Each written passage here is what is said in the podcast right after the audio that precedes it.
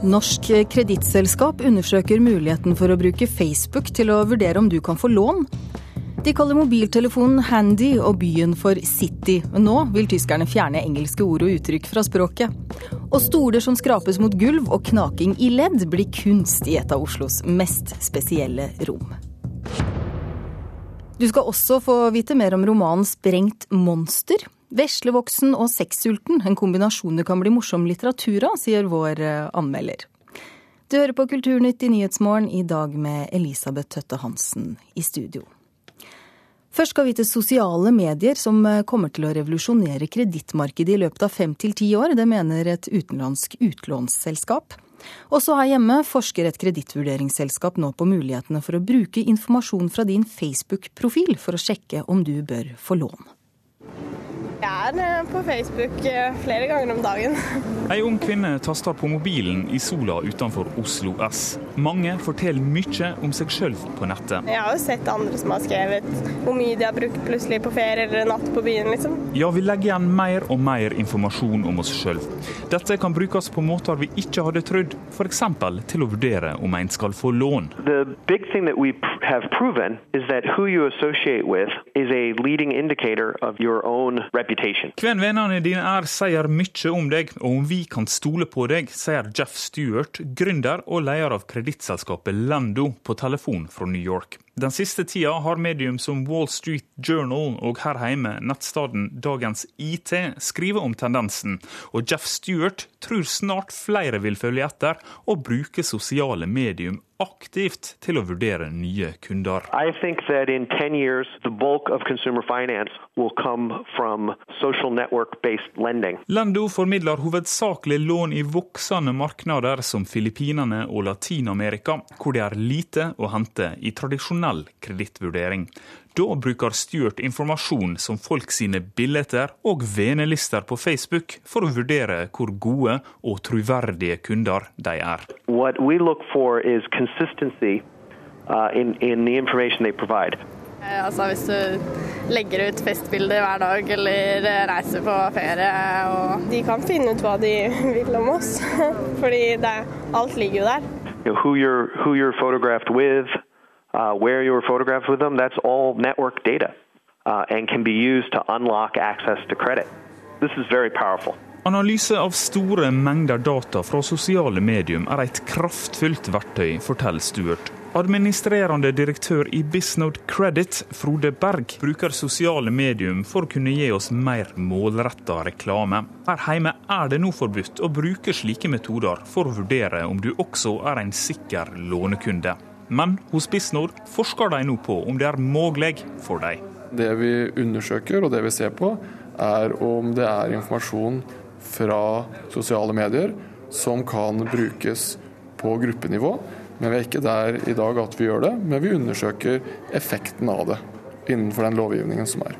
Direktør i Datatilsynet Bjørn Erik Thon følger utviklinga med stor interesse og litt skepsis. Hvis det hadde kommet en forespørsel i dag om at et kredittopplysningsselskap skulle få konsesjon til å bruke opplysninger fra sosiale medier i kredittvurderingen, så ville de fått et nei på det. For du kan ikke ta for god fisk det som står på, på en Facebook-side, eller hva det måtte være.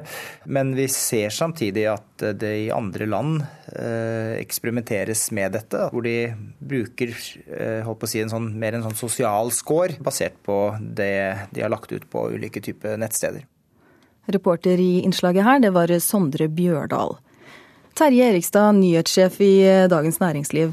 Hva har noe sånt som dette her å si for folk? Eh, for folk i Norge så har det per dags dato ikke noe å si, fordi det ikke er lov til å bruke den type informasjon for kredittvurdering. Men det er veldig interessant fordi det dette selskapet som var eh, omtalt i reportasjen, det det egentlig legger til grunn, er det som er i det gamle norske ordtaket Si meg hvem du omgås, så skal jeg si deg hvem du er. De prøver på en måte å finne ut hva er hva slags miljø du tilhører, for å definere om du da er en troverdig låntaker. Så det er egentlig en veldig sånn basiskunnskap de ønsker å finne ut av ved hjelp av sosiale medier. Ja, for hvordan kan denne informasjonen da være inter interessant for kredittselskapene? Jo, altså Kredittvurdering handler jo om eh, en, å finne informasjon om en potensiell låntaker er villig til å gjøre opp for seg, har evne til å gjøre opp for seg. Og eh, Tradisjonell kredittvurdering går jo ut på å vurdere hva slags inntekt du har. De ser på ligningen din. Eh, de ser om du har betalingsanmerkninger, og de prøver da ut ifra den historikken å vurdere om du er kredittverdig. Men i land hvor det, hvor det, kanskje folk ikke har eh, noe kreditthistorie fordi de aldri har hatt et lån, hvor det er vanskelig å finne den type data, så er dette her med og hva slags miljø tilhører du, eh, hvem har du stabile relasjoner med folk, hva sier vennene dine om deg? Eh, det kan være si, en verdifullt alternativ for et kredittvurderingsselskap. Men, men, er det nok til å kredittvurdere da, og se på venne- eller omgangskretsen din f.eks.? Eh, det er jo vanskelig å si, men, men det man kjenner til fra, fra si, både bankhistorie og i og for seg vår egen lokale historie i Norge, er jo at kunnskap om vedkommende som du vurderer å gi et lån til, er ekstremt viktig banker som holder seg til sitt nærområde, som kjenner sine kunder, de gjør det bra. Og det minner meg om eh, si, gamle dager da jeg vokste opp. Så kunne vi gå inn lokal, hos den lokale kjøpmannen og handle på krita. Vi skrev det bare, Kjøpmannen skrev det bare opp i en bok. Vedkommende hadde ingen kredittvurdering av min familie, men de kjente oss. Mm. Så det er akkurat det, det er det som er det fascinerende, at man bruker altså ny, moderne teknologi til på en måte å komme tilbake til det man visste eller kunne få til i et lokalsamfunn hvor alle kjente alle. Men, men, i saken her så hørte vi at både den norske og den internasjonale mm. aktøren mm. sier at eh, de ikke er interessert i å vurdere enkeltpersoners profiler, mm. men eh, i matematiske analyser av store mengder data, bl.a. da fra Facebook. Mm. Hvordan fungerer dette her? Jo, det, dette som kalles big data, det er en egentlig også ganske grunnleggende, nemlig at, at eh, man legger igjen veldig mange uh, ulike spor som man ikke tidligere la igjen fordi man da ikke hadde en smarttelefon, man hadde ikke nett osv. Den informasjonen, når den uh, er tilgjengelig nå, så er den så omfattende at man trenger altså virkelig store, kraftfulle dataanalyser for å uh, finne ut av dette. Og i den informasjonen så ligger det ekstremt liksom, sterke føringer. Det er sånn det er med si, store datamengder, at da kan du se mønstre du vanligvis ikke ser. Så her, her, er vi altså Det er en raskt voksende industri, og her er vi bare i starten. Kredittvurdering er ett element. Man bruker det innenfor helsesektoren. Man bruker det innenfor eh, si, det man kaller utilities, altså kraftselskaper eller infrastruktur, for å, observere hva er, det som, eh, hva er det som skjer i realtid, og hva, hvilke mønstre eh, kan man utlede av dataene. Og, og, i dette mønsteret så kommer også, også, Facebook inn. Men takk for at du kom til Kulturnytt og kunne lære oss litt mer om dette her, Terje Erikstad, nyhetssjef i Dagens Næringsliv.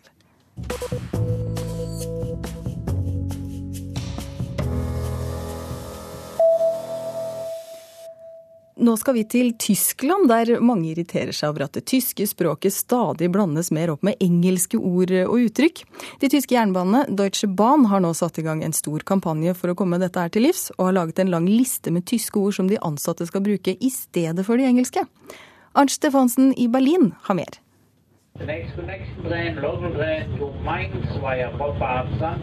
En forvirrende blanding av tysk og engelsk kommer fra høyttalerne på et tysk tog. Noen av passasjerene ler, andre rister oppgitt på hodet.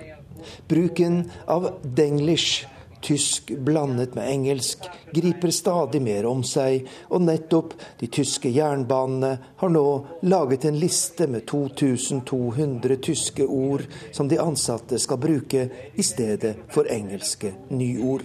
Et flott prosjekt, sier talsmann Tobias Minder i Foreningen for det tyske språk. Ich finde es nicht so schlimm, wenn äh, Jugendliche versuchen, sich damit abzugrenzen von den sonstigen Erwachsenen. Det er nå ikke så farlig at tyske ungdommer bruker engelske ord for å være kule, men når store institusjoner her i landet strør om seg med engelske uttrykk, og offentlige personer gjør seg viktig med å erstatte gode tyske ord med engelske, da er vi på ville veier. Det tyske språket er under sterkt press, og derfor er aksjonen fra de tyske jernbanene riktig og viktig, sier talsmannen. Oh Herr, bitte gib mir meine Sprache zurück.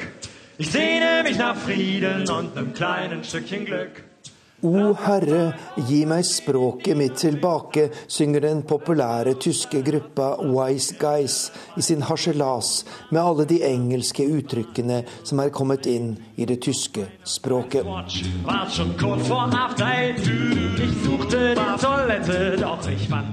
Man sier city og handy og show og happy end, og selv den tradisjonsrike tyske pølsa kjøper man nå på et Bratwurst Point. Hva er det som skjer med Goethes og Schillers vakre språk, spør mange tyskere, og synes det går over alle grenser med den engelske språkinnflytelsen. Slapp av, sier den amerikanske språkforskeren Jay Rutherford ved Bauhaus-universitetet i Weimar. Det er ikke farlig. Ich glaube nicht, dass das ein Verlust wird oder ist. Es ist eine Bereicherung. Wenn eine Sprache Det er ikke noe tap for det tyske språk at det kommer inn engelske ord. Det er tvert imot en berikelse. Et språk utvikler seg ved å ta opp nye ord, og om det er ord som forsvinner fordi det ikke lenger brukes, så er det en helt naturlig del av språkutviklingen, sier den amerikanske forskeren, og får kraftig motbør. Ich würde das zweifellos auch so sehen, wenn ich äh, in Amerika tätig wäre und die amerikanische Sprache derart erodiert. Jeg ville sagt det samme hvis jeg hadde bodd i USA og opplevd at det engelske språk ble svekket av innflytelsen fra tysk, sier Tobias Minder i Foreningen for det tyske språk. Det som skjer her i Tyskland er dramatisk. Det tyske språket dør litt hver dag. Og jeg ser min kulturelle identitet sterkt truet, sier han. Og sanggruppa Wise Guys vil gjerne gi Microsoft et tysk navn. Kleinweich, det lille myke.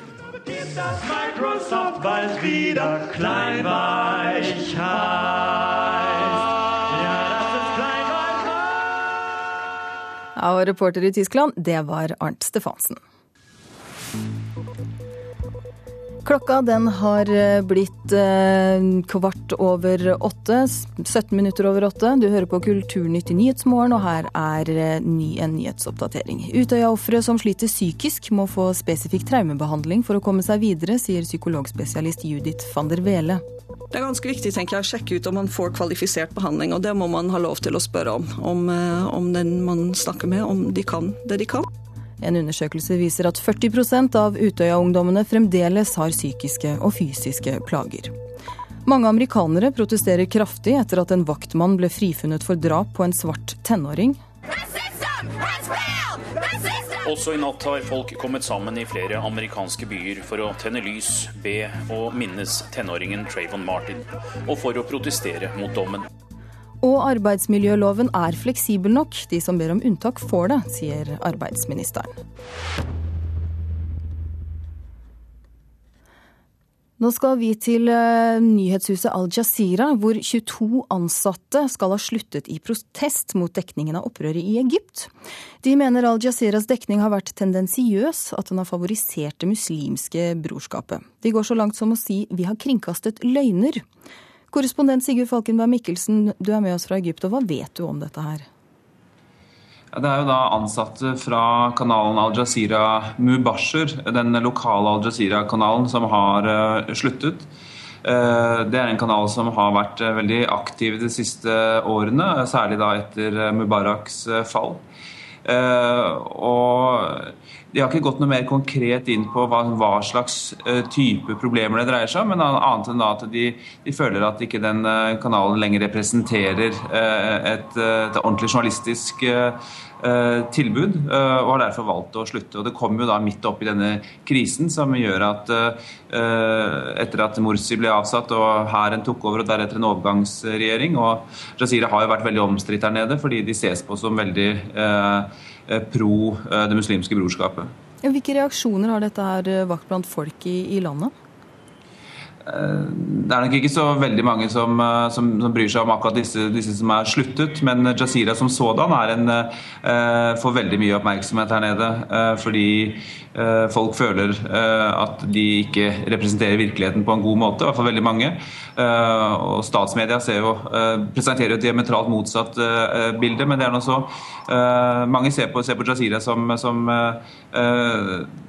veldig brorskapsvennlige, og at eh, mange ser også på dem som anti-egyptiske. Eh, det, det, er jo et ganske xenofobisk eh, tilstand her nå etter, etter at Morsi ble, ble avsatt. og folk bryr seg altså Alt dette rundt media, hvordan dette prates om, hvordan utenomverden framstiller det som skjer her, er noe folk er veldig opptatt av. Hva, hva da med Al Jazeeras posisjon som mediekanal, blir den svekka av dette?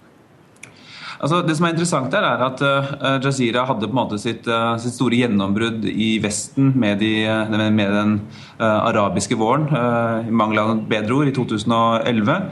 Eh, og de var jo veldig viktige, særlig her i Egypt, da de kringkastet døgnet rundt fra Tahrir-plassen. Eh, men etter det så har det gått eh, nedover med Jazeera i den arabiske verden. De, har, de ses på som mer og mer som en aktivistisk kanal, som en del av Qatars utenrikspolitikk. Og Det er jo særlig tydelig i Syria, hvor de har gitt opp alle forsøk på en objektiv framstilling av det som skjer. Og også her i Egypt, hvor, hvor da det er en gjengs oppfatning at de, de, har, de har, fungert som, som et ja, som, som, veldig positivt innstilt da, til, til, det muslimske brorskap og måten de har styrt uh, Egypt på. Helt kort til slutt, hva skjer videre nå? Vi er jo midt oppe i en uh, veldig spent uh, situasjon både på bakken, men også når det gjelder medieverden. Og, uh, vi så jo f.eks. hvordan egyptiske journalister reagerte under en pressekonferanse hvor de kastet ut Jazeera-journalister. Det, det var ikke noe pent syn sett fra et journalistisk ståsted. Og jeg tror nok dette kommer til å fortsette, og det kommer til å bli vanskeligere for, for Jazeera å, å arbeide i Egypt framover. Takk skal du ha, Midtøsten-korrespondent Sigurd Falkenberg Mikkelsen.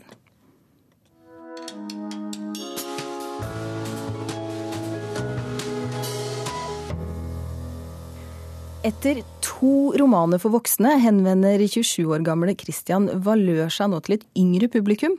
Romanen 'Sprengt eh, monster handler om unggutten Mons som forelsker seg i alle jenter han ser. Forfatteren smører tjukt på, men lykkes å underholde, sier vår anmelder.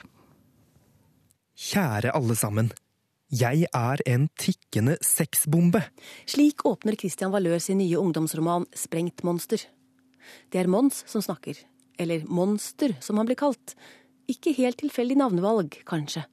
Sånn fortsetter det. Det er ingenting å skamme seg over, men det får sine konsekvenser. For hver dag møter jeg mennesker som fortjener et kyss i pannen.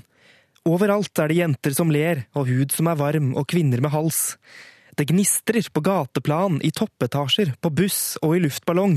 Det stråler fra smil og fra tenner, fra lepper og lår, fra knapper og på tepper. Mennesker man kan ha sex med, har befolket jordkloden. Jeg har innsett at kjærligheten er kaos. At kjærligheten er rastløs og ping-pong. Mons er tolv år når fortellingen starter. Ved historiens slutt er han 16. Jeg er et lykkelig menneske, og fra nå av skal jeg bare bli lykkeligere. Så går det altså godt til slutt, men før den tid skal vi gjennom tallrike prøvelser for den unge mannen. Noen tullete, noen småmorsomme og noen mer alvorlige. Å skildre unge gutters gryende og til tider stormende optimistiske sexfantasier er ikke nytt verken i bøker for voksne eller for ungdom. Klaus Hagerups sjarmerende Markus var i en periode forelsket både i Ellen Kristine og Mona og Therese og Elisabeth. Christian Valørs Mons forelsker seg til høyre og venstre, og alder er ingen hindring. Men det kan bære galt av sted å være så til de grader i nuet. Mons lever og lærer. Overskriftene lyder f.eks. slik. Hvorfor man ikke skal forelske seg i eldre kvinner. Hvorfor man er nødt til å være forelsket i foreldrene sine. Hvorfor man ikke skal forelske seg i sine venners forelskelser. Eller hvorfor forelskelser ofte ender opp i bare søl. Vi følger Mons på leirskole, på konfirmasjonsundervisning, på juleball. Han er klassens muntrasjonsråd. Han mangler normale hemninger og kunne drevet et helt kraftverk alene. I tillegg har han en mor som gjerne går med på en ADHD-diagnose til sønnen, så de har noe å vise til om det skulle trengs. Men at Mons skal ta piller eller endre oppførsel? Nei, skulle nå det være likt seg? Han må bare passe seg for ikke å være så ærlig overfor alle. Folk som ser uintelligente ut, tåler som regel ikke sannheten, sier mamma. De har det bedre hvis de slipper å innse hvor uintelligente de er. Skjønner du? Christian Valørs tekst strutter av overskudd. Iblant er det riktig morsomt, overdrivelsen til tross. Originale sammenstillinger og et vidåpent blikk skaper komikk. Valør er god på dialog. Flere år som revyinstruktør på diverse Oslo-skoler har vel gitt ham erfaring både i punchlines og i hva som fungerer og ikke. For min del blir det trøblete at han er litt for glad i stereotypier. Gjengen med innvandrerungdom tyr til kniv når de blir provosert. Bestemor i Nord-Norge kaller dem for Apan. Språklig vokser ikke Mons som forteller på de fire årene boken tar for seg. Han snakker like barnslig, skråstrek veslevoksent, som 16-åring som han gjorde som 12-åring. Om han har lidd noe nederlag, er han den samme uforbederlige optimisten fra start til slutt. Så en tradisjonell dannelsesroman kan Sprengt monster ikke akkurat kalles. Til det mangler også en større dose refleksjon. Men en gøyal og medrivende fortelling, det er det. Ja, Det mente vår anmelder Anne Katrine Straume. Og anmeldelser av flere ungdomsbøker og tips til sommerlesing finner du på nettsidene våre. Da går du inn på nrk.no. Vi skal til et rom uten vinduer, dunkel belysning og med 20 sekunders etterklang, for der har danserne Ida Uvås og Anne Sjøbakken Fleiner satt opp forestillingen Kan jeg få litt mer lys? En solo for to. Vi snakker om Manuel Vigelands mausoleum i Oslo, og i den spesielle akustikken i rommet blir lydene av dansernes bevegelser to og to helt vanlige stoler, nærmest til musikk.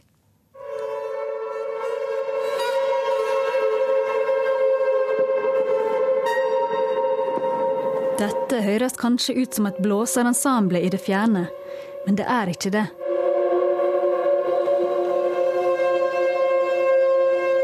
Lyden du hører nå, er stoler dratt langs gulvet i mausoleet til Emanuel Vigeland.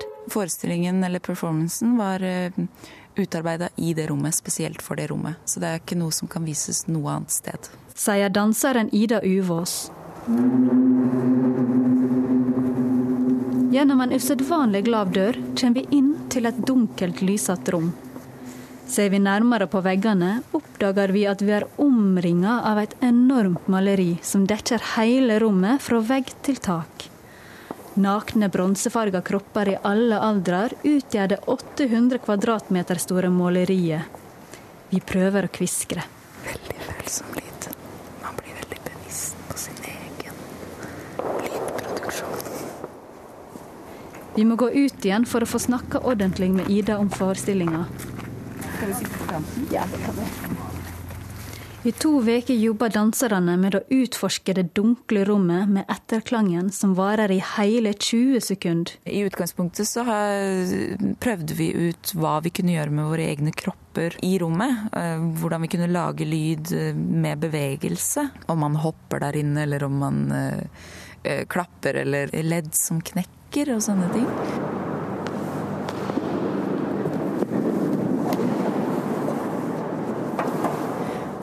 Så det var én utforskning. Men så var det også dette med å bruke de eh, materialene og bildene som er der inne, for å lage lyd, da. Og det er der stolene kommer inn? Det var eh, et uhell at vi satte oss på en stol, og idet man setter seg ned, så skyver man gjerne litt på den, og så lager den en sånn skrikende lyd. Men med den akustikken og klangen som er der inne, så hørtes det ganske kult ut. Men vi måtte ha noen inn og sjekke for oss og høre på. og Spurte ja, går det an å høre på dette her, eller er det bare helt uh, plagsomt, uh, sånn at man vil rømme herfra. Men hva vil de fortelle med alle disse lydene i mørket? i idéfasen da jeg eh, satt og planla dette, så eh, drev jeg og funderte rundt Emanuel Vigeland. Og eh, i Norge så er man veldig opptatt av jantelov og ikke forhøye seg selv og ikke eh, gjøre noe stort nummer ut av sin egen person. Og så, eh, og så kommer det en mann og bygger sitt eget eh, helt fantastiske mausoleum. Så det handler litt om det med hvor flinke er vi egentlig til å lyssette oss selv.